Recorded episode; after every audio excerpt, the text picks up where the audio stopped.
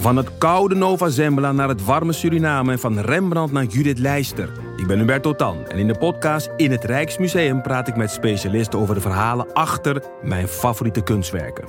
Nieuwsgierig? Beluister nu de nieuwe afleveringen. Hallo, ik ben Jaap Jansen En die zagen een blad gaan met korenwijn. En ik maak met PG Kroeger En een half uur later weer een blad met korenwijn. een podcast Toen heeft het kabinet gezegd, dan stappen we op. waarin PG historische verhalen vertelt die ook veel zeggen over vandaag. Goed te zijn. Dat is een first voor mij. En waarin leiders en echte deskundigen vertellen hoe het werkelijk toegaat in Den Haag en in Brussel. En dan weet je hoe dat afloopt. De grote landen domineren, de kleintjes die worden onder de voet gelopen. Betrouwbare bronnen, Het is waanzin. Hoe is het mogelijk? twee keer per week in je favoriete podcast-app.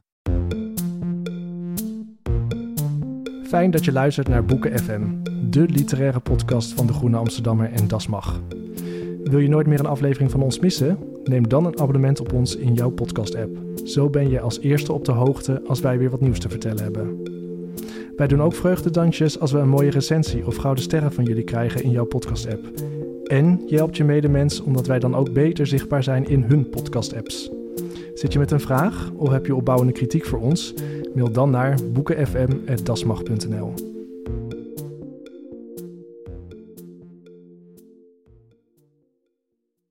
Het moeilijke is, dit is gewoon zo'n boek dat, dat je niet neutraal kan lezen. En je leest het met een beetje het gewicht van literatuurgeschiedenis op je schouders. Ik niet hoor. Hallo allemaal en welkom bij Boeken FM, de literaire podcast van Dasmag en de Groene Amsterdammer. Vandaag bij mij in de studio Ellen en Joost, Hallo Charlotte. die altijd liever hebben dat ik ze met hun achternaam aanspreek. Ja, en in, met, in, met u. Ja. Ja. Hm. Vandaag gaan we het hebben over eh, de helaas veel te jong gestorven Frans Kellendonk en zijn laatste werk Mystiek Lichaam. Eh wij dachten dat we dat eh, voor het eerst waren ingegaan op een tip van een luisteraar, wat we anders nooit doen. Toen bleek, na een beetje speurwerk, dat Ellen zelf dit zaadje had geplant, ergens in eh, seizoen 3. maar dat zaadje is tot bloei gebracht door luisteraar Jet Zwart, die over Mystiek Lichaam zegt: Voor mij is het zo'n roman die je bijna niet met andere mensen wilt delen, omdat het voelt alsof je een stukje van jezelf weggeeft.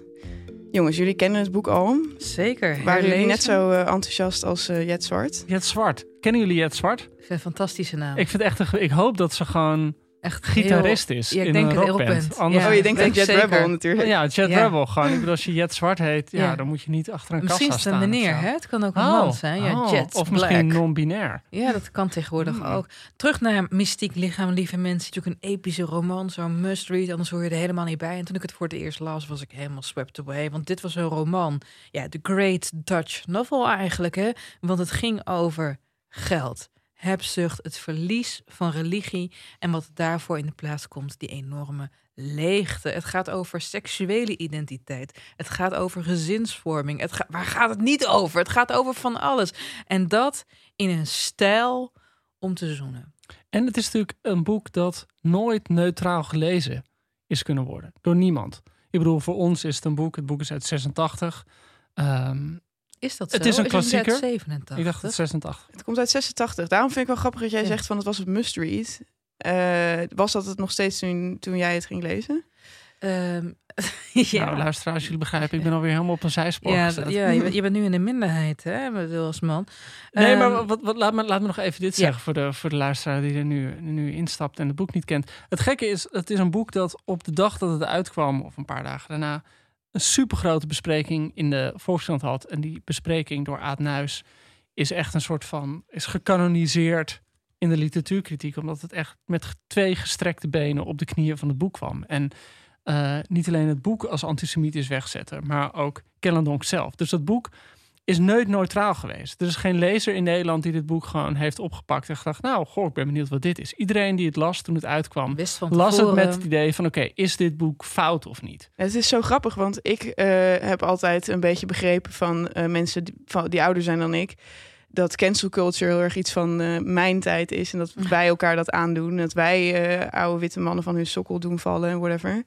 Maar toen ging ik een beetje rond googlen over deze ophef. En dat was heel erg voor mij nogal eigen tijd of zo. Ja, total cancel culture. Maar voordat we daarop ingaan eh, en ook even het boek uitgebreid gaan bespreken, is het tijd voor buiten het boekje.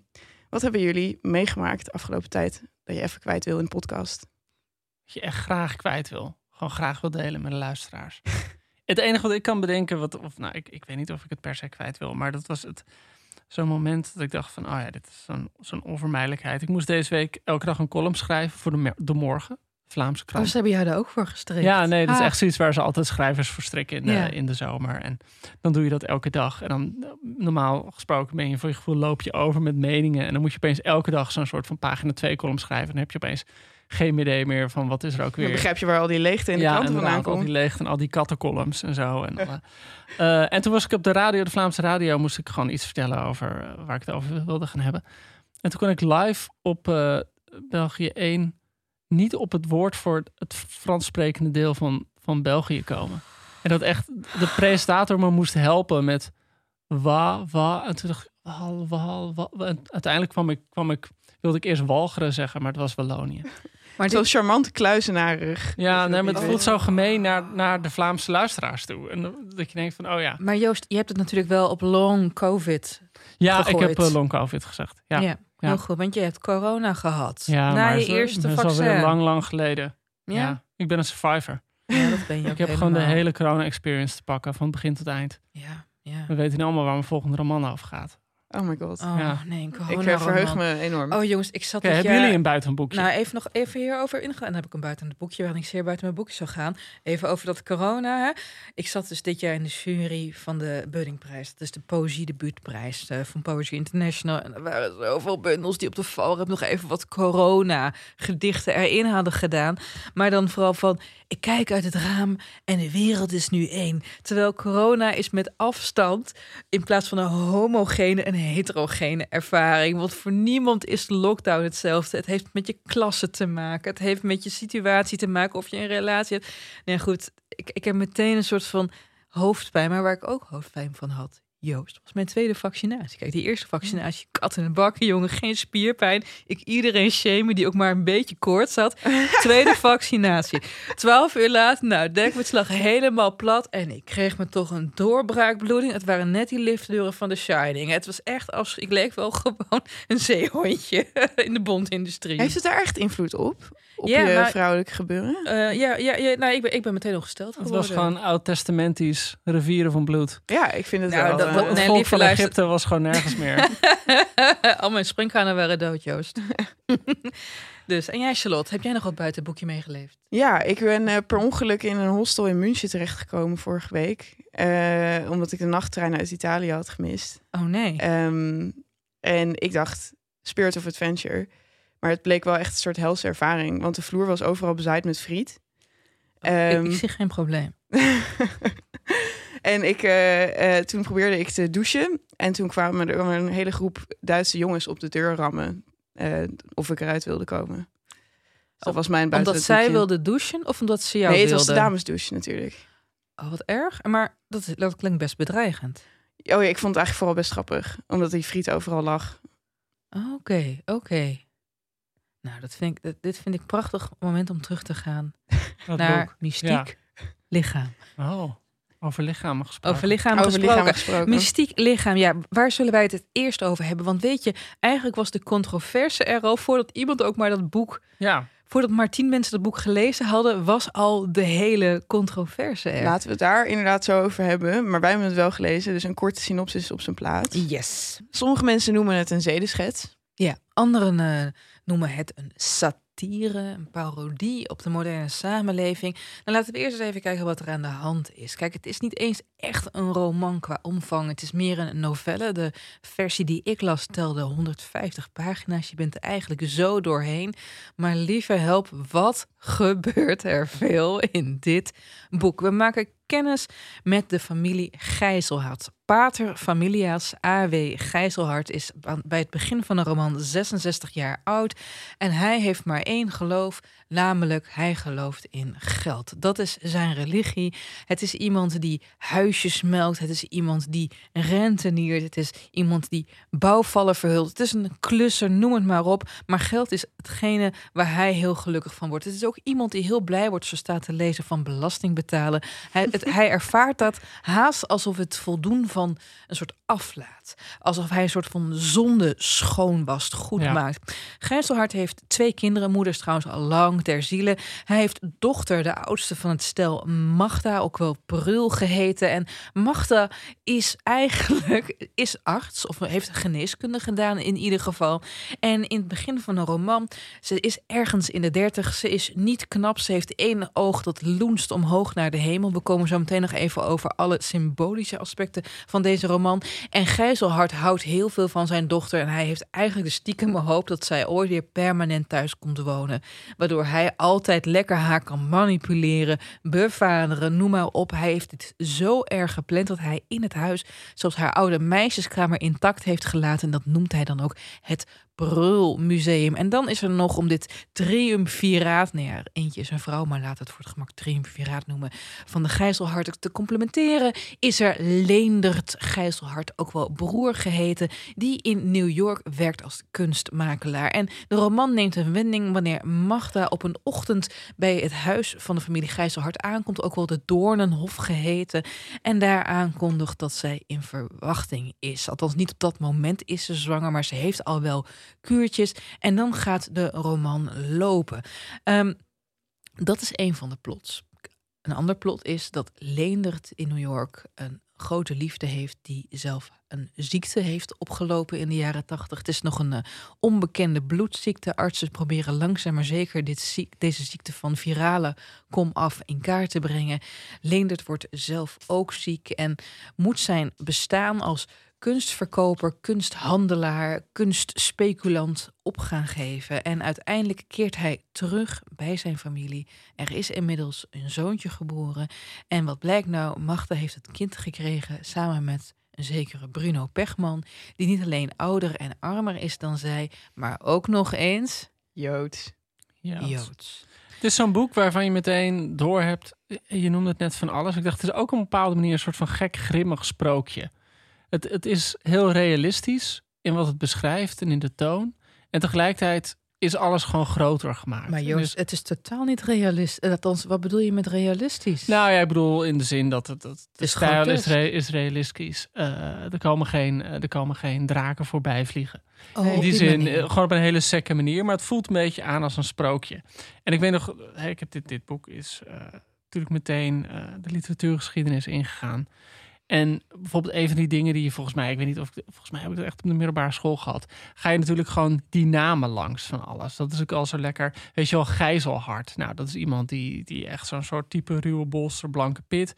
Hij heeft wel een soort betere kant. Want hij houdt heel erg van prul bijvoorbeeld. Maar gewoon hij wordt gegijzeld. Z- Zijn hart wordt gegijzeld door zijn gierigheid en zijn hebzucht. En zijn, zijn verlangen naar geld en materialisme. Er zit zo'n hele geweldige scène in. Dat, dat eh, heel grappig dat hij met prul in een, een fijn restaurant gaat eten. En dan betaalt hij die restauranteigenaar met een acculader. en want hij heeft een soort schroophoop en alles dat een beetje geld waard is. En dan volgens zegt hij tegen prul, ja, nu moet je wel het allerduurste op de kaart eten. Want anders dan is het de acculader niet waard. Dus je hebt gijzelhart. Nou, prul, dat spreekt bijna voor zich. Dat is, ze heet eigenlijk Magda, hè, naar, naar eh, Maria Magdalena, een vrouw die vrij was met haar liefde. Magda En- en Leendert. Ja, Magda en Leendert. Oh, oké. Ja, Hmm. grappig. En, en Prul, hè, dat is natuurlijk iets zonder waarde. En ze heeft ook zo'n heel slecht zelfbeeld. Dus dat is helemaal duidelijk. Nou heb je Bruno Pechman. Nou, alleen al die naam Pechman, dan, dan weet Als je je genoeg. Joods bent. Ja. Ja. en ze wonen dan op eh, het, het Doornenhof. Nou, dat klinkt ook echt als een... Je denkt A aan de, de, de doornenkrans eh, van Christus. Maar je denkt ook meteen als een leuke gasvrije plek... waar je, waar je niet stil durft te staan... omdat je anders gewoon gewond raakt van alle puntige dingen. Of drie door een roosje. Iets wat in een eeuwige sluimer verkeert. Ja, ja. En, En, de, Doornenhof ook voor het eerst als het helemaal gehuld is in ijs. Toch? Helemaal bevroren. En, Ja, en en het wordt beschreven, terugkomt. het wordt beschreven in metaforen waarin de metaligheid. Ik zal hem er eens even heb hem volgens mij ook hier. Ja, ja, ja ik, ik, ik zal eens even kijken. Het gras Oh. leek wel ijzervelsel. Zo heil, heilig was het in de tuin. Het jonge boomblad blikkerde metaalachtig. De perenbomen met hun stijf gebalde knoppen leken van gietijzer. Ja, dat zet meteen de toon. ja, Nou, en dus in- wat jij zegt, een heleboel eh, eh, opvallende elementen van het katholicisme. Daar kwam Kellendonk zelf ook uit, eh, uit die traditie. Hij worstelde met de ontkerkelijking van Nederland, hadden we net even genoemd. Ja, hij zelf is op een gegeven moment katholiek geworden. Nou, nee, hij heeft na- zich niet opnieuw bekeerd, Joost. Hij heeft zich wel opnieuw bekeerd. Hij heeft een fase gehad dat hij, hij van huis uit komt uit Nijmegen, katholiek nest. Nee, maar is hij opnieuw naar de kerk gegaan? Ja, dus toen? hij is op een Ah, gegeven moment is hij er, zeg maar in de puberteit, is hij, is hij eruit gevallen en toen is Ja. hij weer teruggegaan. En dat echt gewoon zoals je volgens mij echt zo'n lange traditie van intellectuelen hebt, die dan op een gegeven moment uit een soort verhang naar samenhang in de maatschappij en geborgenheid bij het katholicisme uitkomen. Dus niet eens zozeer dat ze nou per se in God geloven, maar wel verlangen naar een soort oertraditie. Ja, en dan katholicisme, want het biedt toch een soort van epischheid, weet je wel? Ja, En een vriendin van mij die noemt katholieken altijd recreatiechristenen. Want als katholiek mag je toch iets meer de bloemetjes buiten zetten. Klatergoudchristenen worden ze ook wel Ja, genoemd. het is ook Oh, lekker theatraal is het interessant. allemaal. Interessant, interessant. Maar Kellendonk heeft altijd, want hij heeft ook eh, in zijn jeugd, kijk, hij komt van een origine, komt hij uit Nijmegen, nou, katholieke enclave. Als eh, nou, braaf jongetje naar de kerk, maar op een gegeven moment gaat het mis met Kellendonk in zijn vroege jeugd. Hij zal een jaar of veertien zijn wanneer hij naar het internaat der Dominicanen wordt gezet, omdat het beter zou zijn voor zijn ontwikkeling. Kijk, ehm, hij komt uit een arbeidersgezin. Dat is ook een klein trauma wat wel door deze roman Ja. heen schemert, hè, mensen. Hij is dus van de generatie die als eerste in zijn familie mag gaan studeren. Nou, er zit van kindsbeen af aan al een intellectuele kloof tussen hem, zijn oudste zus, zijn twee tweelingzussen en zijn ouders. Zijn vader is aannemer, heeft ook veel gemeen met vader Gijzelhard in de roman. En Frans, die vanaf zijn elfde heeft hij geen lol meer in het leven. En dat wordt escaleerd. Hij begint s'nachts te slaapwandelen en de hele gang onder te smeren met fecaliën. En op een gegeven moment, na een gesprek met een psychiater, besluit dat het beter is als hij onder leeftijdsgenoten is. En dan komt hij op zijn veertiende in het Dominicaner internaat terecht. En daar heeft hij de tijd van zijn leven. Goed, hij trekt op een gegeven moment naar Amsterdam, eh, eh, waar dus zijn eerste werk ook eh, verschijnt. Voordat we even echt over de thematiek van het boek gaan hebben, nog heel even kort zijn leven. Ja. Ehm, hij was succesvol. Hij debuteerde met Bouwval in 1977. En toen werd hij meteen eh, door Aad Nuis, dat is latere grote criticus dus... eh, werd hij meteen zo helemaal weggezet in een bepaalde nieuwe literaire stroming. En dat was dan de, de academische schrijvers, was dat. En dat waren schrijvers die allemaal een beetje bij het eh, literaire tijdschrift Revisor zaten. En, oh, ja, sorry, ik kwam dit steeds tegen. Ja. Het is geheel voor mijn tijd. Ja. Eh, Hoe kan iemand het? van mij uitleggen wat voor wat was revisor, wat voor clubje was dat? Want er wordt de hele tijd over hem gezegd ja, van en het, over zijn wordt- vroege maar het is ook echt zo'n zo'n dat term zo- over revisorproza. Ja, dat, echt, dat kom je altijd tegen in de, de literatuurgeschiedenis. En vooral dus dat dit, eh, eh, zijn laatste werk, daar dan weer van af zou wijken. Van het revisorproza. Dus ik vroeg me af van, weten jullie daar... Het was volgens mij een soort agressief realisme. eh, Mm, nou, nee. ook heel academisch. Oh ja. Dus heel veel intertextualiteit. werd veel gerefereerd aan andere werken. Er werd aandacht besteed aan een symbolische laag. Men ging er eigenlijk vanuit dat het literaire werk, wat er letterlijk stond, eh, slechts een soort poort was naar de grotere wereld der ideeën die door dat literaire werk heen schemerden. Oh ja. Iemand zei hier toch over van die mensen die zetten hun verhalen in elkaar zoals ze gewend zijn om verhalen uit elkaar te Ja, brengen. Bij literatuurwetenschap. De mooiste uitspraak die ik ooit over revisorproza heb gehoord, ik ben even vergeten van wie, maar is: zij schrijven kroonluchters die niet branden. Zo. Ja, Ouch. Ja, nee, dat, dat, dat, dat. En dat, ja, goed, dat, dat zat denk ik in meer van zijn boeken. En toen, ja, hij zat zelf ook bij de redactie van Revisor. En hij Wat- werd heel lijp wanneer hij van academisch schrijven in zijn literaire werk werd En, en beticht. eh Oh, Jan ja. Donk heeft. ja, hij werd daar 2000 heel erg boos om. Dan laat je het toch? Wat zeg je dan? Ja, of, je- of Nou, je maar- laat het of je staat Nou, erachter. kijk, nee, hij vond zelf dat hij niet zo schreef. Kijk, hij vond wel zo, dat het normaal is als je veel gelezen hebt. Hij was een snopje hoor. Dat dat, dat, Ja, dat doorcijpelt in je werk. En hij vond ook dat als je kijkt naar wat zijn romanopvatting was, dat personages niet per se realistisch hoefden te zijn. Want zij toonden grotere tendensen in de samenleving. Wat hij eigenlijk wilde met het, dat is volgens mij letterlijk citaat, dat het literaire werk aantoonde waar de lasnaden in de samenleving zitten. Dat natuurlijk ook een prachtige metafoor, want een lasnaad is altijd met geweld twee hoeken aan elkaar hebben, eh, te hebben gesoldeerd.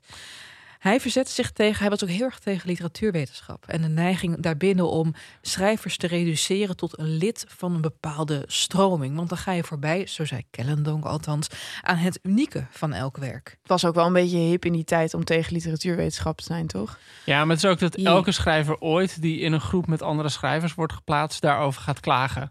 Omdat die Oh. elke schrijver natuurlijk gewoon zelfstandig, autonoom en onvergelijkbaar wil zijn. Maar ze gebruiken wel dan de groep aanvankelijk, zoals Lucebert bij de vijftigers dichters en later Ilja Leonard Pfeiffer bij de podiumdichters. Om samen, weet je wel, een soort van Robbie Williams met Take That van Ja, de, ja. de boel te bestormen. En daarna, oh, ik ga solo, Robbie Williams zonder Take That. Oh ja, sorry, dit is, dit is als Little Mix. Eh Charlotte Little is Mix jonger dan wij. Oh, laat maar. Blackpink. En dit wordt nog een heel obstakel. ja, wordt, een- wordt een Ja. leidersweg. En hij zat ook in de redactie van Revisor. Ja. En eh, dus, eh, in 2015 beleefde hij een soort van grote revival. Eh toen kwam er eh, niet alleen zijn biografie is toen verschenen. Een Bali-avond. Ja, op Goede Gebeurde was een Bali-avond. Ze hebben ook eh, zijn Brieven. correspondentie opnieuw uitgegeven. Zijn heel leuk om te lezen. Oh ja, Maarten het Hart was Eh, daar heel En daar, ja, maar het is ook heel grappig om te lezen dat hij dan, eh, weet je, ik bedoel, die, die revisor, dat waren ook allemaal van die gasten die allemaal de redactievergadering hadden en alleen maar boos waren dat ze niet genoeg complimentjes van elkaar kregen. Oh Dus hij God. vertelde, dus hij beschrijft dan zelf dat hij jarenlang aan zo'n verhaal buitenlandse dienst heeft gewerkt. En dan staat het eindelijk in revisor en dan wordt echt bij de evaluatie er gewoon zo doorheen gebladerd door de redactie van Moving On.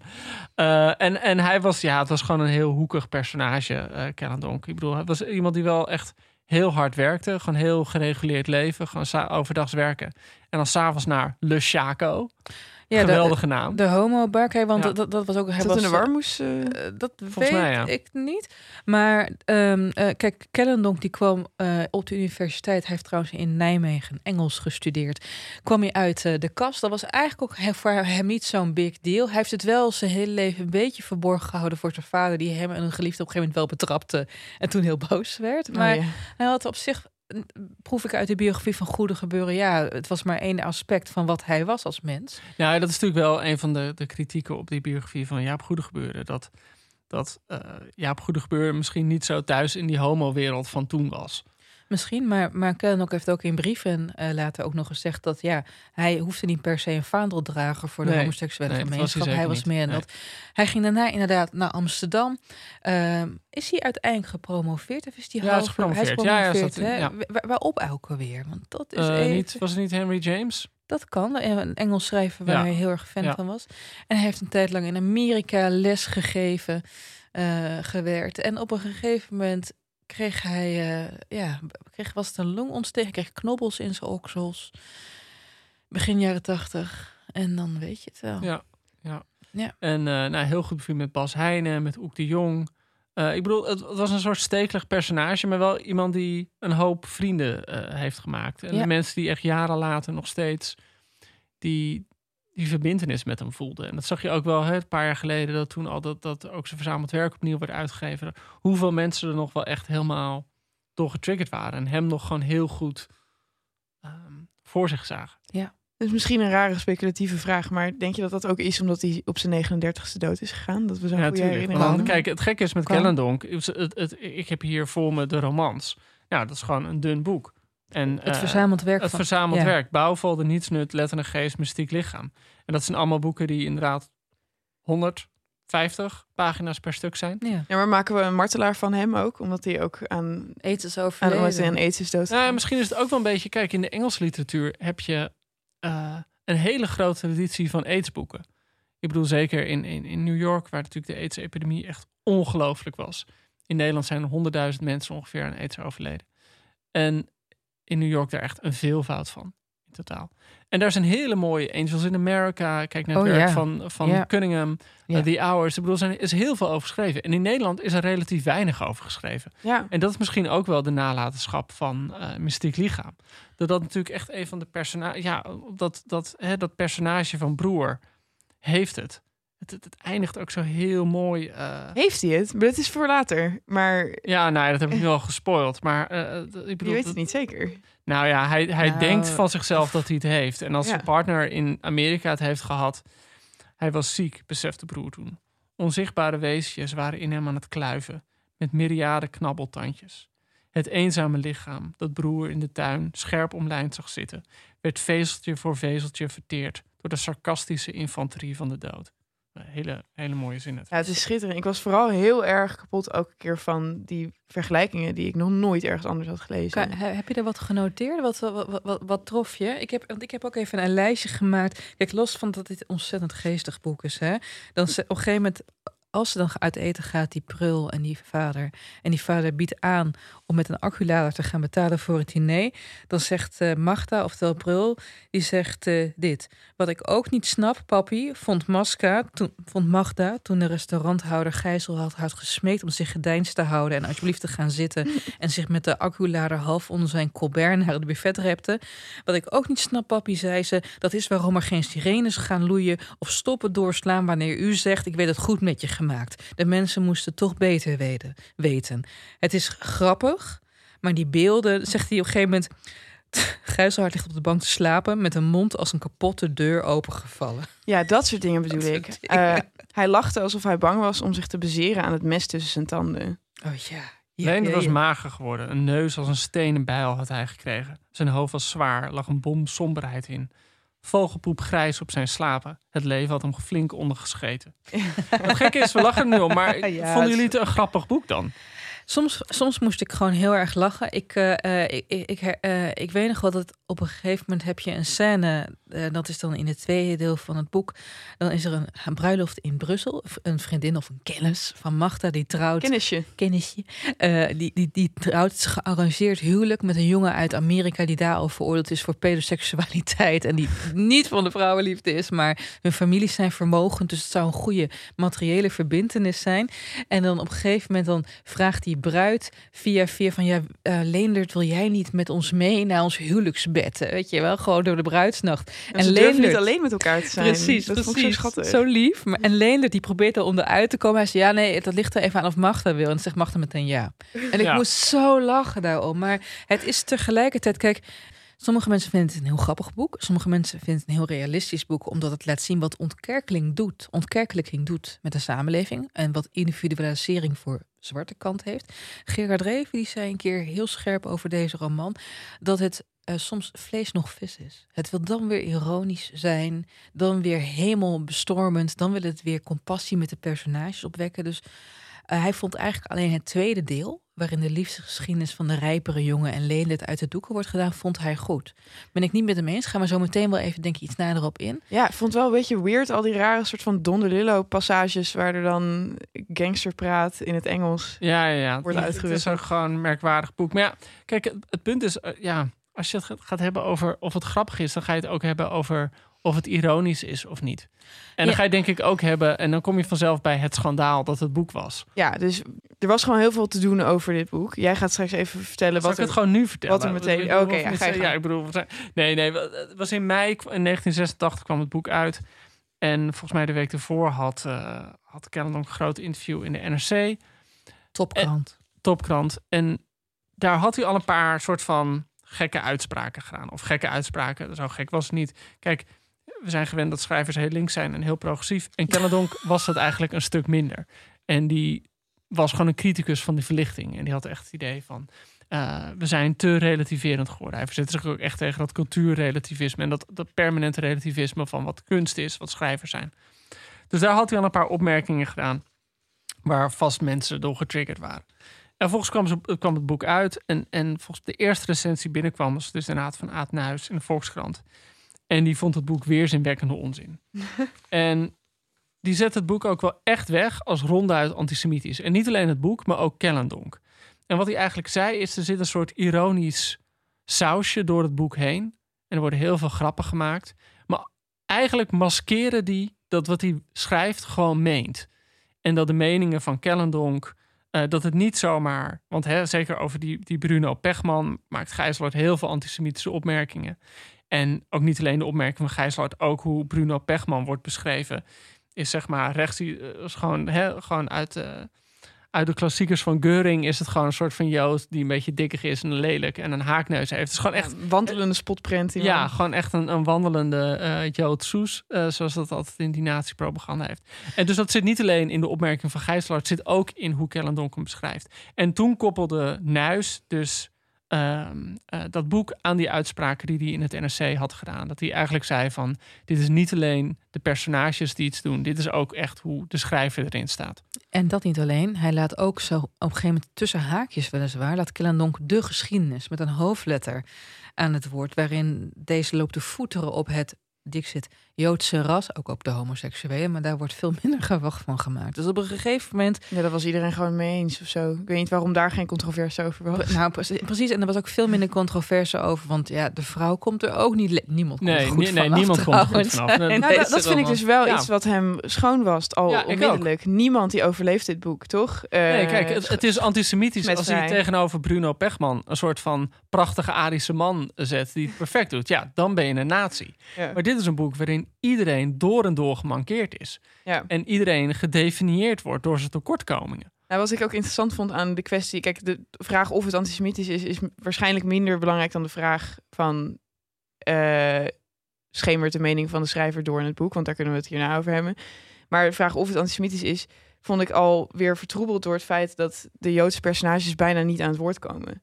Dus Bruno Pechman, die eh, wordt heel erg... die verschuilt zich vrij letterlijk de hele tijd achter de rug van zijn vriendinnetje...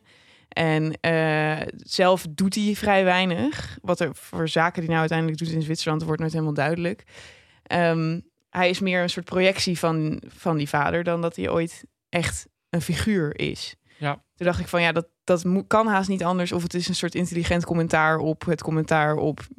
Nou ja, Joden. Kijk, Bruno Pechman die gaat op een gegeven moment wel naar al zijn Joodse familieleden. En dan stelt hij zijn kind voor onder een andere naam. Oh ja. En dan zegt ook, ja, deze baby is eh, tien maanden, waar die baby al anderhalf jaar is. Maar dan lijkt hij een beetje voorlijk voor zijn leeftijd. Dus hij, eh, weet je wel, hij komt ook niet er ongeschonden uit. Maar ja, het boek is ook, het is vrouwenhaat, het is eh homofoob. Het is hem ook ten deel gevallen, dat verwijt. Maar even terug naar deze affaire. Hè. Ehm Aad Nuis, die heeft het ook echt op de man gespeeld. Eh, en op een gegeven moment was Kellendonk hier zo klaar mee dat hij zei: Hier, ehm 5000 euro krijg je van me als je mij letterlijk in het boek kan aanwijzen waar ik antisemitisch ben. Maar Ja. dat is toch vrij letterlijk aan te wijzen? Of ben je nou gek? Nee, je kan niet aanwijzen of Kellendonk zelf antisemitisch Nee, is. oké, er wordt gefocaliseerd. Maar goed, even, Ja. dat is een hele algemene vraag. Wat vinden jullie dat als je een eh, heel antisemitisch personage neerzet, dat dat dan antisemitisme bij jezelf verraadt? Of vind je dat je bijvoorbeeld expliciet je personage dan zou moeten afkeuren als verteller? Je moet, de roman is een vrijplaats. Je moet personages kunnen opvoeren, net zoals, weet je, om te tonen wat die last van de samenleving zijn moet met Kellendonk te zetten, zeggen. Je moet daarbij echt de grenzen van het taboe opzoeken. Laat mensen maar boos worden, maar ga geen schrijvers rechtszaken aandoen of cancelen om wat ze in hun romans schrijven. Wat ze in de publieke ruimte zeggen, weet je wel, op hun eigen naam, dat is een heel ander verhaal. Maar juist in een roman zet je dit soort extreme dingen tegenover elkaar. Om te kijken van wat speelt erachter. Uh, Kellendonk heeft zich later ook na deze hele affaire gezegd van ja, mensen zoeken eigenlijk gietkanalen om hun en ik haat dit woord, maar om hun deugdzaamheid te bewijzen. Dat je foei kan zeggen, Ja, ja. foei, racisme is slecht, homofobie is slecht. Terwijl je daarmee niet gaat kijken welke structuren er aan dat verschijnsel ten grondslag liggen. En om dat te ver- kunnen, kunnen veranderen. Ja, maar het is wel interessant dat je zegt van oké, hij zoekt de grenzen op van iets. Ja. Maar hij- wat hij ook heel duidelijk doet, is wel een soort morele boodschap uitdragen ook in het boek. Dus, dus het gewoon alleen maar zien als een Ik vind, vrij nou, spel. dat vind ik niet helemaal. Wacht even, welke eh, boodschap vind je dan dat hij uitdraagt? nou, waar we het net al over het heel hadden. ambigu. Dat, eh, ja, oké, maar dat er eh, iets verloren is gegaan met de ontkerkelijking. eh, dat, Nee, nee dat, Ja, dat, kijk, dat en, toont en wat, je, wat je daarnaast kan zien, en da- daar kan je dan op een soort van omgekeerde manier iets moralistisch in zien, is hij zet die slechte kanten zo dik aan dat daarin al een soort afkeuring, eh voor afkeuring zit. Ja. Kijk, het grappige is, en, en, dat is toch, kijk, Harry Mulisch heeft dat een keer zo'n pamflet over geschreven, het ironische van de ironie. En dat ging over eh, Reven, waar hij toen eh, een, een klassieke fit mee had. en waarin hij eigenlijk zei, en ik vond dat hij daar wel een goed punt maakte. Hij zei van, kijk, je, natuurlijk kan je een ironische grap maken en dat is dan slechts een ironische grap. Maar als je nooit iets anders doet dan die ironische grap maken, dan is dat blijkbaar de manier waarop je de wereld benadert. Dus als je altijd maar eh, grappen maakt over zwarte mensen, zoals Reven graag wil doen, dan, is dat, dan heb je nooit aangetoond dat er een andere manier is die jij hebt om naar zwarte mensen te kijken. dat is interessant. Dus, dus en, en daar gaat het een beetje om. En kijk, in dit geval vind ik het zo'n zo'n gek iets om dan, ja, oké, ik kan inzoomen op hoe Gijzelhard met Bruno Pechman omgaat. Maar ja, Bruno Pechman is ook gewoon de man die zijn prul heeft bezwangerd. Ik bedoel, al was het Ja. een, een, een eh, blonde, blonde ariër geweest, had hij hem ook gehaat. Ja, saillant detail is natuurlijk wel dat de zus van eh Ja, dat wel is heel degelijk zwanger was van een Ja. Joodse man. Ehm, Dus Nee, dat- en, en Ellen zei ook al dat Gijzelheid heeft ook iets van een paar eigenschappen van zijn vader weg. Hij zelf heeft een aantal eigenschappen van broer weg. Mhm. Dus ik bedoel, er zit wel degelijk een, een link in naar zijn persoonlijke leven. Ja, maar wat hij dan wel echt heel goed in deze roman demonstreert, is kijk, ze moeten Bruno Pechman inderdaad sowieso niet, want hij heeft Magda bezwangerd en dat niet alleen. Hij is geïnfiltreerd in een familie doordat hij in Magda's leven is gekomen en 35.000 gulden van haar Oh afhankelijk ja, dat nog. Ja. Ja, dat is een klein detail natuurlijk. Ja, ja. En eh, wa- wa- wat je ziet is dat goed, zij, zo zijn ze. wat, ze- wat je ziet dat zij een web van aannames. Maar jongens, Was dit, was dit nou een grap? Ja, ja, weet je ironisch, dat? Ja. ironisch, die jeugd van tegenwoordig. Oh. Dat ze een web van aannames gebruiken als schietkanaal, een web van vooroordelen als schietkanaal om op Bruno te projecteren. En dat is, dat is racisme. Dat toont hij heel goed. Hij toont die mechaniek heel goed. Ja. Dat, Ja. Bij sommigen dat je, dat je de- het individu niet ziet zitten. En dan ga je gebruik maken van de narratieven die er zijn. Om dat individu Over nog meer verder. Ja, Ja. en dat doet Ja. hij fantastisch. Wat, Wat, mij wat denken jullie dat er zou gebeuren als dit boek nu zou verschijnen? Ook gecanceld. Hele ingewikkelde vraag. Ja. Nee, ik zou het namelijk, als het nu verscheen, zou ik het wederom, zoals ik het nu ook interpreteerde, zien als een soort kritiek op. Ja, ik denk dat het echt gecanceld zou Ik worden. zou, ik denk, ja, in combinatie met dat interview in NRC erbij. Dus dat Ja. hij van tevoren Ja, dat, nee, dat, is, dat is Ja. cruciaal. Dat is Ja. Ik denk dat Als hij dat niet had gedaan. dat, dat iedereen dan meteen bij hem zou uitkloppen. En eigenlijk van, je moet nu af... Want dat, dat is natuurlijk... Toevallig, ik las een heel interessant stuk over in Boekforum. En dat ging er eigenlijk ook over eh, foute romans.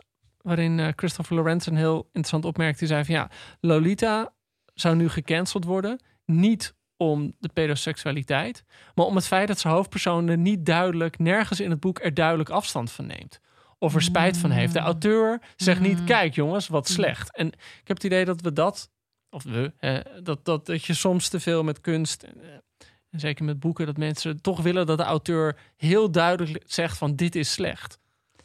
Dat, dat, dat, dat impliceert ook iets interessants wat mensen van boeken verwachten. Ja, Nou, dat leidt dan misschien de volgende vraag in. En ik raakte hem net al een beetje aan. Is Kellendonk een moralist? Heeft hij ons iets te vertellen?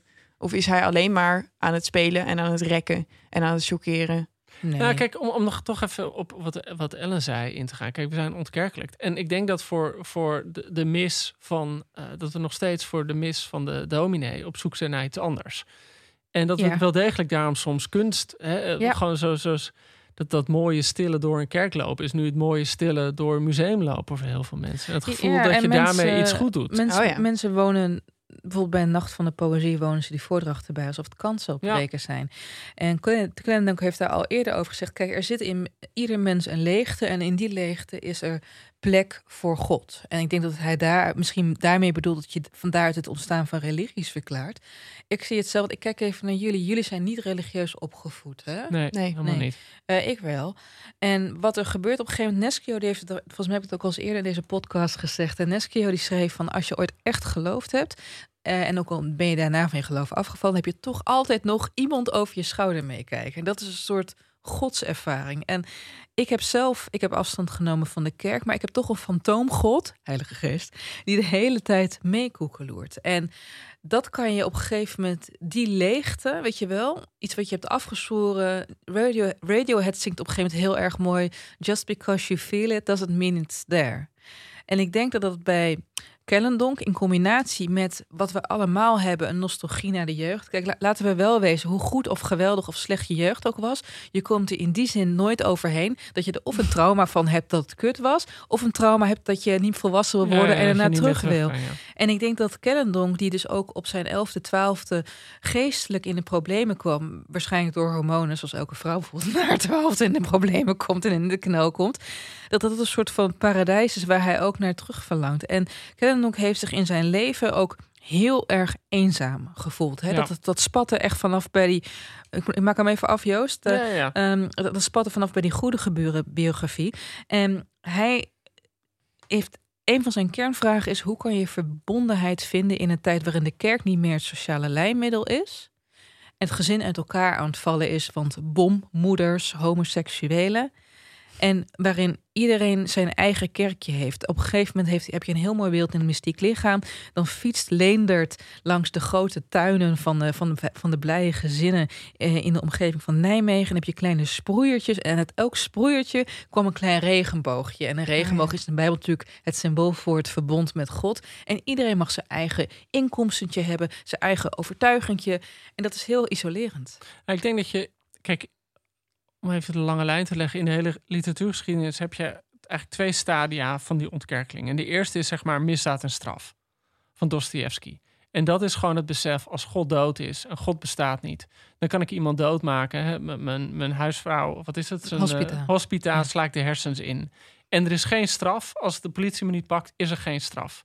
Ik ga niet naar de hel. Dus je moet zelf een geweten kweken. Dat is denk ik voor heel veel schrijvers, en zeker in de 19e eeuw, maar ook wel begin van de 20e eeuw, een soort van het filosofische dilemma. Van je moet zelf een geweten kweken. eh, kweken. En die tweede golf, daar, daar zit Kellendonk denk ik meer in, is inderdaad precies wat jij zei. Dat ook daarmee de samenhang tussen mensen wegvalt. En dat zit, in die, dat zit heel erg in die biografie van Jaap Goedegebuur. Het zit ook heel erg in de brieven die gebundeld zijn. Dat er zit zo'n dubbele houding bij Kellendonk in. Dat aan de ene kant is hij heel snarky en heel sarcastisch. En iedereen die voorbij komt, wordt gewoon veroordeeld en wordt belachelijk gemaakt. En hij is heel roddelend. Hij is en echt een hater Echt en een toe. hater, heel Ja, grappig. ja. En tegelijkertijd is hij heel needy. En heeft hij de hele tijd behoefte aan toch dat Gezelligheid. echte contact. Nou, en toch, verbindenis. dus- En dus- al die gezinsleden die hebben ook niet een gemeenschappelijke god. Nee. Eh, want ze geloven allemaal in iets anders. Ja. Eh, hij gelooft Nee, in dus, geld. dus- en bij hem zie je dat helemaal, zie, je- zie je dat helemaal zitten. Van er is een ontkerkeling plaatsgevonden, er is een soort, ja, het, het cement tussen de stenen is weggevallen. En aan de ene kant is hij zo slim dat hij zegt: ik ben autonoom, ik heb dat niet nodig, ik veroordeel iedereen. En aan de andere kant mist hij het gewoon. Trouwens, volgens mij is de luisteraar helemaal nog niet op de hoogte dat Merel er gewoon is. Merel! Hoi, ik ook niks niet. gezegd. Oh, ze zat er die al die zaten al die tijd. van, van waar Ja. is Merel gebleven? Dat Hallo. vinden mensen gewoon leuk. Ik ben er bent. ook. Ja. Hoi. Hoe gaat u man? Ja, wel goed. Heb je nog iets buitenboekigs? Oh. Oh jee. Ja. Ehm, En Nou, ook ik heb het hier een helemaal niet over na- Ja, er gewoon ja. Ik heb inhouden. hier Want zij helemaal- edit dit, ja? Wat? Nee. Oké, ja. Nee, ja, nee. Ik moet, dat moet ik even bedenken. Oh, Ik kom er nog op terug. Misschien. Oké. Zijn er nog vragen of zo? Eh, ja, we hadden een vraag van Casper van der Zwaan. Casper van der Zwaan. En eh dat, Dat is net zo wel, mooi als eh, Jet Zwart. Ja, Ja, vond hem mooie ook. naam. Ja, klopt. Ehm, en die vraagt in het kader ook van deze aflevering, past er wel goed bij, eh, wat jullie absolute must-read zijn in het LGBTQ eh, thema. Ik wil het korte verhaal Love and Hydrogen opperen van Jim Shepard. En dat gaat over twee mannen die een verdoemde romance hebben op de Hindenburg Zeppelin. What the fuck? De Hindenburg Oh. Zeppelin, die kennen we allemaal. Ja, Ja, dat dat ging ging, mis. het ging niet helemaal dat goed. ging niet helemaal goed. Ja. Dus daardoor is het is echt een heel mooi, bitterzoet, en grappig en gevoelig liefdesverhaal.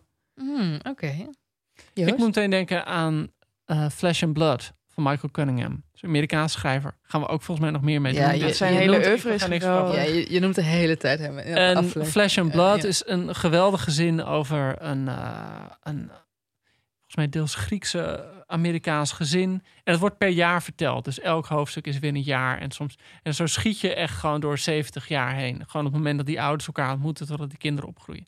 Het zijn drie kinderen en een daarvan is, eh, eh, is homo. En dat, dat beschrijft hij zo. Ja, wat, wat, wat beschrijft hij dan? Eigenlijk gewoon het besef van die jongen, omdat je door de jaren heen gaat, gewoon hoe die ermee ommeet gaat. Er zit zo'n heel mooi fragment in. Dat hij dan, hè, afhankelijk eh, is het zo'n zo'n stoere jongen die, die gewoon allemaal mooi, mooi boys regelt. En op een gegeven moment heeft hij een stuk minder mooie man. En dan is hij bij hem weggegaan, gewoon omdat hij naar zijn werk moet. En dan gaat hij zo even terug de trap op, eh, omdat zijn sleutels is vergeten. En dan ziet hij die man zo onbespied, gewoon in zijn onderbroek en zijn sokken, met een buikje dat gewoon zo over zijn plooi heen komt. En dan denkt hij, oh, dit is het, dit is hem. Dit is hem gewoon. Hmm. Het is gewoon zo'n heel mooi beeld. Hmm. Ik ben ook helemaal verliefd meteen. Ja, ja, ja. Mm. En, en, maar er zitten meer dingen in. Ja, ik moet nu, nu alles gaan vertellen. Maar wat bijvoorbeeld ook gewoon zo heel mooi vind... is dat hij dan inderdaad met zo'n mooi boy... of tenminste met een mannenbed gaat... die gewoon ge- die verloofd is. Eh, en hem dan vertrouwt. En dan, zegt, en dan na afloop tegen hem zegt van... oh ja, nee, dit, dit doe ik eigenlijk nooit hoor. Van, want eh, ik ben eigenlijk geen flikker. Weet je, en dat opeens die man met wie hij net seks, zich zo tegen hem keert. Mhm, mhm. Zo duidelijk van hij is de homo die ermee in het rein is gekomen... en dit is de homo die zich er gewelddadig tegen verzet. Dus dat vond ik echt een, ehm, ja, echt een prachtig boek. Flesh and Blood. Jij, Ellen? Nou, er zijn er heel veel. Eh, Mystiek lichaam.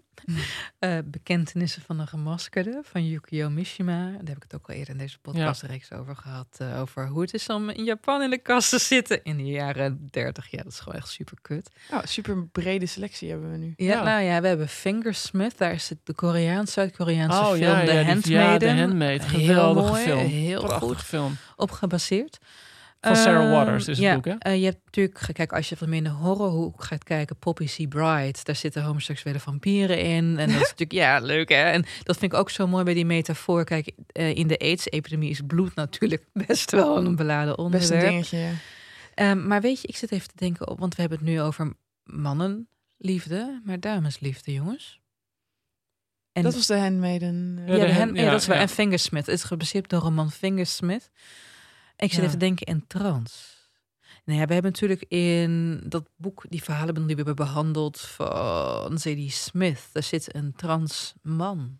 Nee, niet trans, eh, sorry, een travestiet die een corset wil Oh, kopen ja, en heel Ja, boos wordt. ja, ja, dat ja, hij dan ja. niet goed behandeld wordt. Oké, maar we hebben nu de ultieme tips wel gehad. Ja, we hebben een eh, goede tip. Oh ja, en natuurlijk schiet? ehm eh, Ellen Hollinghurst, Line of Beauty. Een van mijn Wow. all-time favorites. Moet er misschien een keer een podcast Ja. over maken, wel niet. Ja. Dan is het denk ik nu een goed moment, omdat we even de diepte uit zijn, Ja. eh, om te gaan fancasten. Oh, de fancast. Onze favoriete nieuwe rubriek, waarbij wij zelf de verfilming van een boek, eh, van een cast gaan Ja, voorzien. laten we die er even Lichaam, toch? achteraan Neem ik gooien. aan. Ja, ja, ja, en dan zometeen misschien nog wel even een beetje terug Ja, op we gaan zeker Lichaam, de ja? diepte in, want er wachten nog een heleboel eh, katholieke symboliek op ons. Ja. En ik weet een buitenboekje. Oh, Oh. wat dan? Nou ja, gek verhaal. Ik lag gisteren op de bank, lekker eh, gewoon een boek te lezen. En ehm, op een gegeven moment, eh, een vriend die was er ook en die zei, oh, ik zie iemand heel hard rennen. Dus die, hij kijkt zo uit het raam hij zegt, oh, huh? Dus ik kijk ook zo uit het raam. En eh, ik, ik woon op een kade, dus ik heb uitzicht op het water. En toen lag er opeens, eerst zagen we iemand heel hard zwemmen. Dus ik dacht, oh, er is iemand van de boot gevallen of zo, dat gebeurt wel eens. En toen lag er opeens een auto in het water. What the fuck? Ja, echt. Hè? En toen? Nou ja, eh, iedereen helemaal van. nou, ja, die man was heel hard aan het zwemmen, dus die was oké. Dus die, die klom de kade op. En eh, er was een vrouw naast me die vroeg van... Ben je alleen? Ben je alleen? Ben je alleen? Zo Die was hitsig. is er niet, Jezus, dat is is, misbruik maken. Ja. is er niet iemand anders nog bij? Is er een Maar mister uit de boot hij was dus, eh, hij was dus eh, in zijn eentje. En ik heb dus ge- geprobeerd erachter te komen hoe dit heeft kunnen gebeuren. Want de plek waar hij erin was gereden en de plek waar ik de auto zag drijven, was echt. Er zat wel iets van 12 of 13 meter tussen. Dus heel vreemd. Het was waarschijnlijk niet met inparkeren gebeurd. Ehm, nou goed, en toen kwamen er ambulances en brandweerauto's. En toen is uiteindelijk 2,5 uur later die auto uit het water getakeld. Zo hé. Dus dat was Hey. mijn, eh, mijn uitzicht gisteren. Spectaculair. Wat gebeurt er allemaal? Buiten het boekje. Ja. Buiten Ja, het boekje, jongens. Dit was echt buiten het boekje. Ik hoop dat jullie intussen hè, hebben nagedacht Oh over ja. een fancast. Fancast. Ja, zeker. Ja, ja. Kijk, Zeker. Ik weet dat jullie gaan komen met allemaal stokoude Broadway-acteurs of zo. Ehm, ja, inderdaad. Ja, Humphrey Bogart. Ja, allemaal ja, mensen die in inderdaad. stomme films speelden en zo. Maar ik wil opperen als Magda, eh, omdat zij ook onlangs haar zwangerschap heeft aangekondigd. Femke Louise. Oh, heel goed idee. Ze loenst niet per se, maar er is wel iets met haar oogjes. Ze kijkt niet helemaal normaal. Ze kijkt ook niet helemaal Nee, recht. goed met een duckface, denk ik. Nou. Nee, ik vind haar een knappe meid. Ja, oké. En eh, ja. ook een jonge Magdalena van onze tijd. Ja, misschien wel, ja. En wie, en wie dacht je dan als Leendert? Ja, dat moet natuurlijk eh, Timothy Chalamet zijn. Is dat Oh, die droeftoeter uit Timothy eh, niet- Call Nee, wacht, By Your Timothy is Name? beter als de, als de geliefde van Leendert. Als de rijpe jongen. de rijpe jongen. Moet, ja, en Timothy, dan moet Leendert- Timothy Chalamet niet gewoon Magda spelen? Nu serieus. En, dan, en Leendert zelf dan... Nou ja, eh, eh, Leendert voor, want dat moet dan een hele mooie, mooie jongen zijn. Alexander Skarsgård. En Leendert als hij aids heeft, Dolph Oh. Jansen. Uit Dolph Jansen. Eh, ik dacht ehm, bij, eh, ja, ik dacht sowieso als prul gewoon Hanna Hoekstra. Maar ja, ik ga gewoon bij deze rubriek bij alles Hanna Hoekstra voorstellen. Ik dacht als vader Gijzer, dacht ik Johan Remkes. Ja. Oh, ik zie hem wel. Wauw. Ja. Ja, en Oh. ik, ik zat te denken als eh, Bruno Pechman, Wouter Koolmees. Minister Wouter Koolmees. Jezus. Ja, ja, oud. En ja. dan voel je me aankomen. Broer, moet dan gewoon Mark Rutte zijn. Nou ja, zeg. Is dat niet gewoon de Nou, perfecte... ik heb in de wandelgangen wel eens gehoord. En dit, dit, Iedereen heeft dit in de wandelgang wel eens gehoord. dat Mark Rutte gewoon heel sociaal is. En dat hij eh, wel eens. eh, maar maar ik, heb, ik, heb, ik baseer mij op een gerucht dat Mark Rutte wel eens eh, ook met eh, iemand van Veenbos en Keuning wat heeft gedaan, een meneer. Hmm. Maar Oké. ik Nou, weet hier Maar sorry, het Mark Rutte heeft echt niet die soort van ziel, zielig, pijnigde, leeggebijtste Nee, blik. Dat heeft hij niet. Ik bedoel, dat weet jij maar altijd goed. Ja. Weet jouw bundel ook weer? Ja, weet niemand. Maar goed, maar, maar een, Ja, een, een maar- ik vind Koolmees vind ik echt spot on. en Ja. Remkes zie ik helemaal vol. Ja. Vooral met, want eh, die Pechman zit de hele tijd ook eh, flesjes advocaat leeg te lepelen. En dat zie, ja, dat ja, zie gewoon Koolmees zo is doen. zo'n man die nog nooit een toetje heeft overgeslagen. Nee. Nou, hele geslaagd fancast, Oké. vind ik. Dus nu vrees ik dat we terug de diepte in moeten, jongens. Oké, zullen we het nog even over aids hebben? Ik weet niet of dat het leuke onderwerp is, maar wat, ik vond het toch wel fascinerend. En, en in de Kellendock-biografie wordt het ook heel goed behandeld. Dat, ehm, ja, het, het, het, het is bijna, of nou, we hoeven niet per se over aids te hebben, maar wat er gewoon zo pijnlijk in zit, is dat, dat broer, ze vormen met z'n drieën een soort van onheilige drie-eenheid. Ja. En heb je dus aan de ene kant eh, de, de Moeder vrouw, Maria, ja, de moeder Magdalena. Maria, Magdalena. Eh, maar het, het heeft iets onheiligs. Want broer is dan, hè, dat, dat wordt de hele tijd beschreven van eh, dat hij als homoseksueel niet het leven kan doorgeven, maar alleen de dood kan voorgeven. En dat is dan natuurlijk, eh, dat is dan natuurlijk aids. En het gekke is met, met Kellendonk dat hij er zelf heel veel over heeft geschreven. Eh, een paar grote essays voor HP de Tijd. Ook moeilijk voorstellen dat HP de Tijd ooit serieuze essay plaatsen. Maar blijkbaar steek onder water. Ja. Waarin Bam. hij wel echt gewoon, ja, hoe moet je dat zeggen? Gewoon de hetero. Ja, hij zei van door, door ehm, behulp van pillen en vasectomieën eh, is seks ontkoppeld van voortplanting. En dus is de hetero in feite homo geworden. En we dachten allemaal door de verlichting dat het allemaal maar kan. Maar aids is gewoon, ja, klinkt heel zuur, maar gewoon Strafgods. de, de straf van de natuur eigenlijk. En eh, hij zei letterlijk van aids is het zoveelste check van de verlichting. Mm. Dus het is heel, heel pijnlijk dat iemand die dat zelf heeft er zo hard naar kijkt. Ja. ja, dat staat heel erg centraal in het boek ook, toch? Ja. Hij hemelt de geboorte van dat kind heel erg op Ja. als een voortzetting van de natuurlijke geschiedenis. En dat homoseksuelen zouden buiten de geschiedenis bestaan. Ja. Hij woont zelfs letterlijk, Leendert, in een soort hokje dat tegen het huis aanleunt. Eh, buiten de geschiedenis van die familie, omdat hij kan zich niet voortplanten. Hij kan alleen maar mensen doodmaken. Ehm, en daar schrok ik van, want we hadden het net over Ja. hoe ironisch het is. Hij blijft hier maar op terugkomen van hoe mooi creatie is en hoe hij daar als homo niet aan mee kan doen.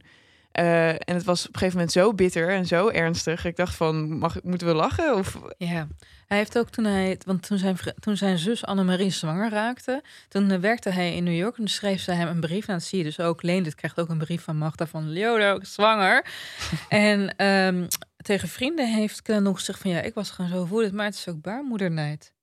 Je kan je Ja. als man. Ja, in die tijd was het misschien nog heel anders. Dat, dat, dat, dat homo, of het betekende automatisch, dat ik niet denk, maar dat je een ziekte had, dus je niet voort kon planten. Of mensen waren nog niet zo, ja, Nee. eh, idee blij Maar- met draagmoederschap. Ja, eh, begin jaren tachtig was dat echt een zeldzaamheid Ja, ja, natuurlijk. ja. Maar, maar dat is dan nog, want ik ken, ik ken ook homoseksuele stellen die ongewenst kinderloos zijn. En dat, ik, ik ken ook trouwens heteroseksuele stellen die kinderloos zijn. Dat is afschuwelijk. Als je een kinderwens hebt, Ja. een gezinswens hebt. En dat, dat is die contradictie ook bij Kellendonk. Of de verscheidenheid waarin hij bestaat. Hij is zowel een Einzelganger als iemand die gewoon verlangt naar kneuterigheid. Ja. Ik vind het vooral interessant dat hij de hele, het hele mannelijke geslacht ervan beschuldigt dat ze eh, de baarmoeder proberen te vervangen door wetenschap en zo. Zeg maar Frankenstein instinct is baarmoedernijd. Eh, nu we het net even hadden over eh, aids als straf. Ja. Wat ik me afvroeg over deze personages, die eigenlijk stuk voor stuk dingen verkeerd doen. Ehm, is verzoening nog mogelijk voor ze? Kunnen ze nog gered worden? De reden dat ik het vraag is omdat ehm, er zo'n verschil is tussen Leendert en Magda. Hij, op een gegeven moment voelt hij dat hij, omdat hij de wereld een stukje leger heeft gemaakt, door een soort zwendelhandel in kunst te hebben, Ja. wordt hij gestraft met ziekte. Eh, zij eh, terwijl zij een heel moeilijk mens was, zelf heel moeilijk ter wereld is gekomen, allemaal fout heeft gemaakt, heeft een soort perfecte bevalling en baart een schitterend kind. En dan zegt hij van, oh, je hebt dus toch een schone lei. En dus Leendert zelf lijkt te twijfelen over van, is, is, kun je herboren worden zelf als mens? Word je vergeven? Niet, niet wanneer je niet, althans dat proef ik uit deze roman, wanneer je jezelf als homoseksueel buiten die geschiedenis plaatst. Het is ook gewoon een soort zelfhaat, lijkt er haast in te zitten. En dat, dat vind ik, dat, maar goed, kijk, dan, dan ga ik natuurlijk psychologiseren. Maar ik weet nog dat ik dat boek voor het eerst las. En je, je weet al die dingen over, over Kellendonk. En dan lees je die slottenlinia's waar hij dat zo ziet. Met dat, het eh, hooglied voor de dood. Dat hooglied met de dood. En, en gewoon dat, dat, dat hij voelt van er zijn onzichtbare wezentjes uh, mijn lichaam van binnenuit aan het opvreten dat bijna dat ik dacht van alsof hij tegen zichzelf zegt van wat ben jij dom geweest, jongen? Wat heb jij het ongelooflijk voor jezelf verpest?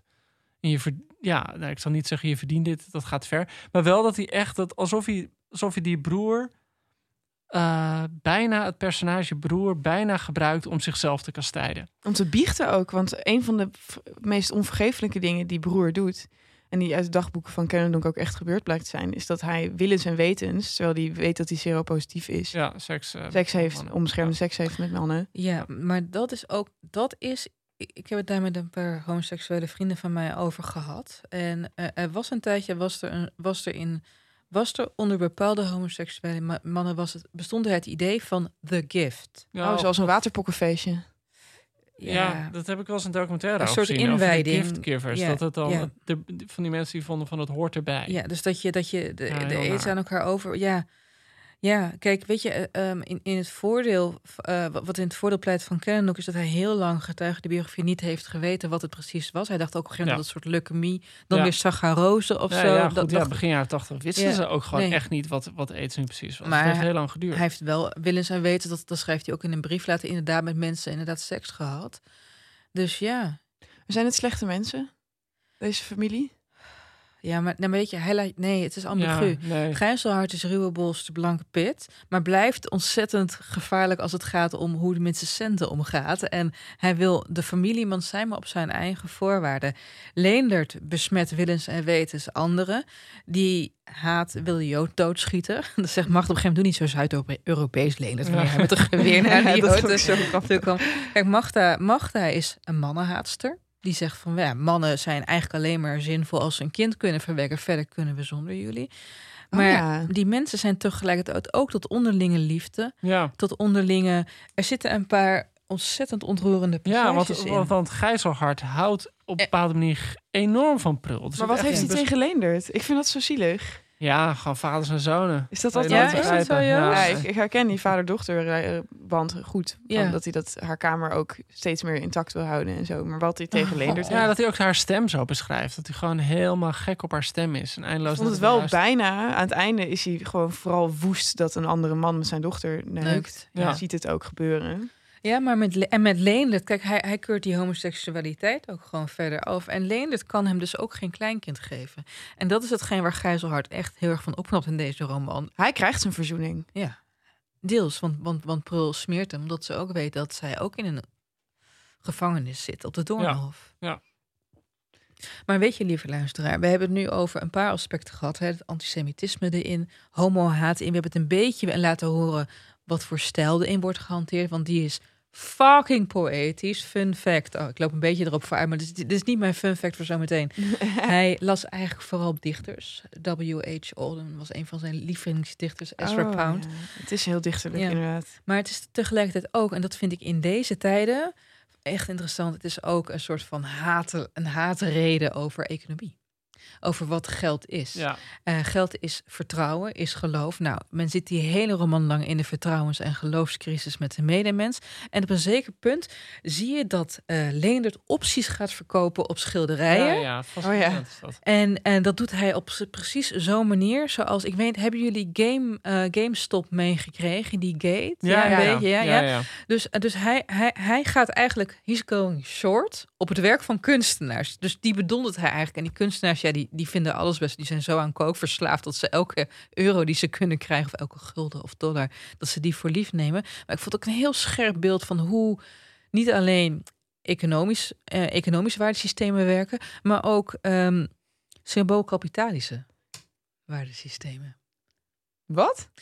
Nou ja, kijk, Bourdieu, kunst, ehm, kunst is, is vooral symbolisch kapitaal. Oftewel, het is een sociaal construct, Oh wat ja. wij de waarde ervan vinden. En Leendert speculeert door verhalen eromheen op te hangen, door prijzen op te drijven in de waarde van kunst. Grappig, want er is één ding dat dan zogenaamd een, een definitieve waarde zou hebben. En dat is, zijn al die edelmetalen die Gijzelhard verzamelt. Maar op het moment dat hij iets belangrijkers in zijn leven heeft, namelijk zijn kleinzoon, verpatst hij die allemaal. Ja, maar kan niks misschien is dat wel een grappig idee. Dat gewoon elke keer met al die personages die op een bepaalde manier waarde toevoegen en waarde afhalen van bepaalde. Ja, maar, maar tegelijkertijd, want dat vind ik het knap van. Weet je, hij hakte iedereen's hoofd af. Zelfs van baby Victor. Die, weet je, voordat die Bruno Pechman aankomt, is baby Victor gewoon ja, totaal apathisch. Maar hij wordt wel blij als hij op een muntstuk kan sabbelen. Ja, ja. Ja. Oh, mooi beeld, ja, ja. ja, Wel ja. on the nose. Ja, ja. Guus, ik vrees dat we nu een beetje aan het einde van onze Ja. tijd zitten. Eh, moeten we de fun fact gaan doen? Ja, absoluut. Ik, eh, Een fact van de week. het fun fact van de week. Fun de week. Eh, en kijkt Merel, jij jureert zoals Jij gewoonlijk. jureert Ja. wie het leukste fun fact heeft over Kellendonk of over mystiek lichaam. Charlotte, we beginnen met jou. ja, mijn is heel simpel. Kennendonk heeft in een woonboot gewoond. Wow. Oké.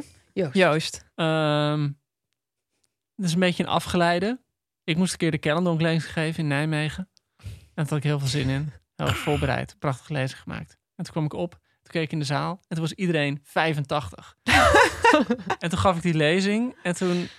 Mijn moed zakte me een beetje in de schingen. En na afloop kwamen er een paar vrouwen naar me toe. En die waren, denk ik, nou ja, gevorderde leeftijd. En die kwamen me toe en zeiden... Was u die jongen die de lezing gaf? En ik was op dat moment nog helemaal blij. Waren er meerdere lezing. jongens die lezingen ze gaven? ja? Dat- alleen dat al. En, en toen zei ze, we verstonden er niks van. En dat bleek toen het enige dat iedereen tegen me zei, dat ze het niet verstonden. En ze- dat is een beetje mijn Kellendonk trauma. Dat is echt Ah. heel grappig. Ja, Ja. het is wel... ja, het is niet echt een fact, hè? Nee, het is wel een pijnlijke... Wel een leuke anekdote. Maar het is wel leuk Ja, dat je ook op deze manier hebt meegedeeld dat jij wel de gevraagd was om de Kellendonk lezing te geven. Dat is Ja. een droom van mij. Heel smooth. Ja, Ja. ja. Mijn fun fact heb ik uit de biografie. Daar moest ik echt heel erg om lachen. Eh, op een gegeven moment heeft Kellendonk als, eh, als jonge Kellendonk, hè, als tiener, heeft hij allemaal bijbaantjes. En dan werd hij op een zeker moment in een krentenbollenfabriek. Dat vind ik Oh, heel wow. leuk. Oh, maar dan wordt hij ontslagen. Nee, het, is toch, het is toch veel mooier, het is toch veel mooier. Dan wordt hij ontslagen omdat hij te veel krentenbollen stiekem opeet. Oh ja. Oh my god, geweldig. Oké, dit, eh, jij wint Ellen. Jee, wat win ik? Ja, je wint een Een krentenbol. krentenbol. Hey, een krentenbol van Kellendonk. Gefeliciteerd. Dankjewel. hey, eh, wat ik tegen de luisteraar wil zeggen. Mag ik, mag ik iets tegen de luisteraar zeggen? Ga gewoon naar de site van eh, De Groene. En daar hebben we een, eh, een documentje gemaakt met allemaal stukken over Kellendonk. Bijvoorbeeld een hele mooie briefwisseling van Nina Weijers en Nina Plak over de brieven van Kellendonk. En eh bespreking van Xander Schutte over de boeken. Nou, goed, in ieder geval. eh, als je meer wil lezen over Kellendonk, groene.nl slash ehm, boekenfm. Yes. We Yes. gaan naar een eindoordeel. Cijfer? Nou ja, en, en of zouden we het aan of afraden? Ah, ik, vond, ik neem aan dat, ik, dat dat al niet meer mag, maar ik vond het dus echt geweldig. Dikke 10. Wow! Dit is echt gewoon... Echt, weet wat je doet, hoor. ja, je en kan wat- niet elke wat- wat week een vond je- tien wat- wat- uitdelen. En heel, heel veel sumier, wat vond je er zo goed aan? Ik vond het stilistisch gewoon heel erg goed. De taal, de metaforen. Ja, en ik vond het ook eh, bijna. ehm, ik vond het vrij postmodern in hoe karikaturaal alles was neergezet. En dat stond zo haaks op de middeleeuwse katholieke sferen. dat ik gewoon elke pagina weer helemaal versteld vond stond. Wauw, oké Charlotte. Maar jullie zeiden wel, tweede keer dat je het leest, vind je het minder Nou, dat, leuk. zijn- dat zijn mama Ellen. Maar eens even kijken wat papa Joost ervan vindt. Nou, Papa Joost was er wat minder... Nou, nee. Het moeilijke is, dit is gewoon zo'n boek... Dat, dat je niet neutraal kan lezen. En je leest het met een beetje het gewicht van literatuurgeschiedenis op je schouders. Ik niet hoor. En ehm, ehm, ik was er altijd minder fan van dan... Ik bedoel, er zitten duizend interessante ideeën in het, in het boek. Maar die ideeën zijn ook wel... Het, het voelt wel echt als een geconstrueerd boek. Gewoon omdat elk personage gewoon het gewicht heeft van een aantal ideeën. En daar ben ik altijd wat minder... Dan lees je het minder voor, me, voor je plezier in ieder geval. Dus eh, ja, ik geef het een 7,5. Wow, maar ik oké. vind het zo kut om zo'n boek een 7,5 te geven. Weet je Nee, wel. is prima. Maar- Wees zuinig met je punten. Ik ga mezelf nog wel tegenkomen. Weet je, kijk, lu- luister, we, we, gaan, we hebben het natuurlijk dit seizoen ook over de grote drie. Wat mij betreft eh, had eh, een van de grote drie er al lang uitgecatapulteerd kunnen zijn. En had Kellendonk die plek kunnen innemen. Ook op basis van zijn brieven, ook op basis van zijn essays. Ehm, in dit geval, ik vond het boek fantastisch toen ik het voor de eerste keer las. Ik vond het ontroerend. Ik vond het grappig. Ik vond het qua ideeënrijkdom. Ja, ik heb natuurlijk een zwak voor verhalen over economie überhaupt. En als oud uh, kerkganger, ik voelde gewoon die hele pijn van Kellendonk zitten. Um, bij de tweede keer wat, vond ik het tegen het einde van het boek vond ik de stijl slordig worden. Oh ja. Er, er, er een haast doorheen. En die haast kan je symbolisch opvatten. Want ook de tijd voor Leendert, de klok is gaan tikken. Uh, maar er, waren echt een paar dingen. Ik heb ze ook genoteerd tot mijn grote verdriet. Uh, weet je wel, er staan ook wel zinnen in van... U maakt iedereen zwart in mijn ogen... omdat u mij het licht in mijn ogen niet gunt. Oh, ja, ja. Bij Right Now had ik je niet doorgelaten. En dan heeft het op een gegeven moment... Kijk, uh, Prul die, die loenst als een Sartre. En een van haar ogen die zit de hele tijd omhoog te wijzen. En dan staat er... Haar oog was het oog van een storm die nu 30 jaar raasde. Ja, weet je, kijk. En dit is natuurlijk gewoon even azijnpissen. Maar dat moet je ook kunnen doen. Dat neemt niet weg dat ik het qua ambitie een hoogte... En, en, en deels qua uitwerking echt de hoogtepunt vind van de Nederlandse letteren. krijgt van mijn dikke negen. Dat is wel echt zo'n boek dat echt een kunstwerk is. Gewoon voor alle ideeën, maar echt dat je denkt van het is gewoon volledig niet voor de lezer geschreven. Het is echt helemaal... Heel barok. Ja, maar gewoon helemaal de ziel van Kellendonk. Oké. nou, die kennen wij niet. Maar het gemiddelde is dus een 9 meer. Goed gedaan, Frans. Ja, zet hem door. We gaan zo door. Ja. Oh, arme Frans. Ah, Nog even een beetje blij. Kakzak. Jezus Christus. En uh, dan uh, zien we jullie volgende week. Heel graag. En jou ook, luisteraar. Dank voor het luisteren. Dankjewel, Charlotte, voor je lijn. Dankjewel, Merel. Dankjewel, dankjewel Joost. Dankjewel, dankjewel Ellen. Ellen. Graag gedaan, Ellen. Super tof. Zet hem op. Doei.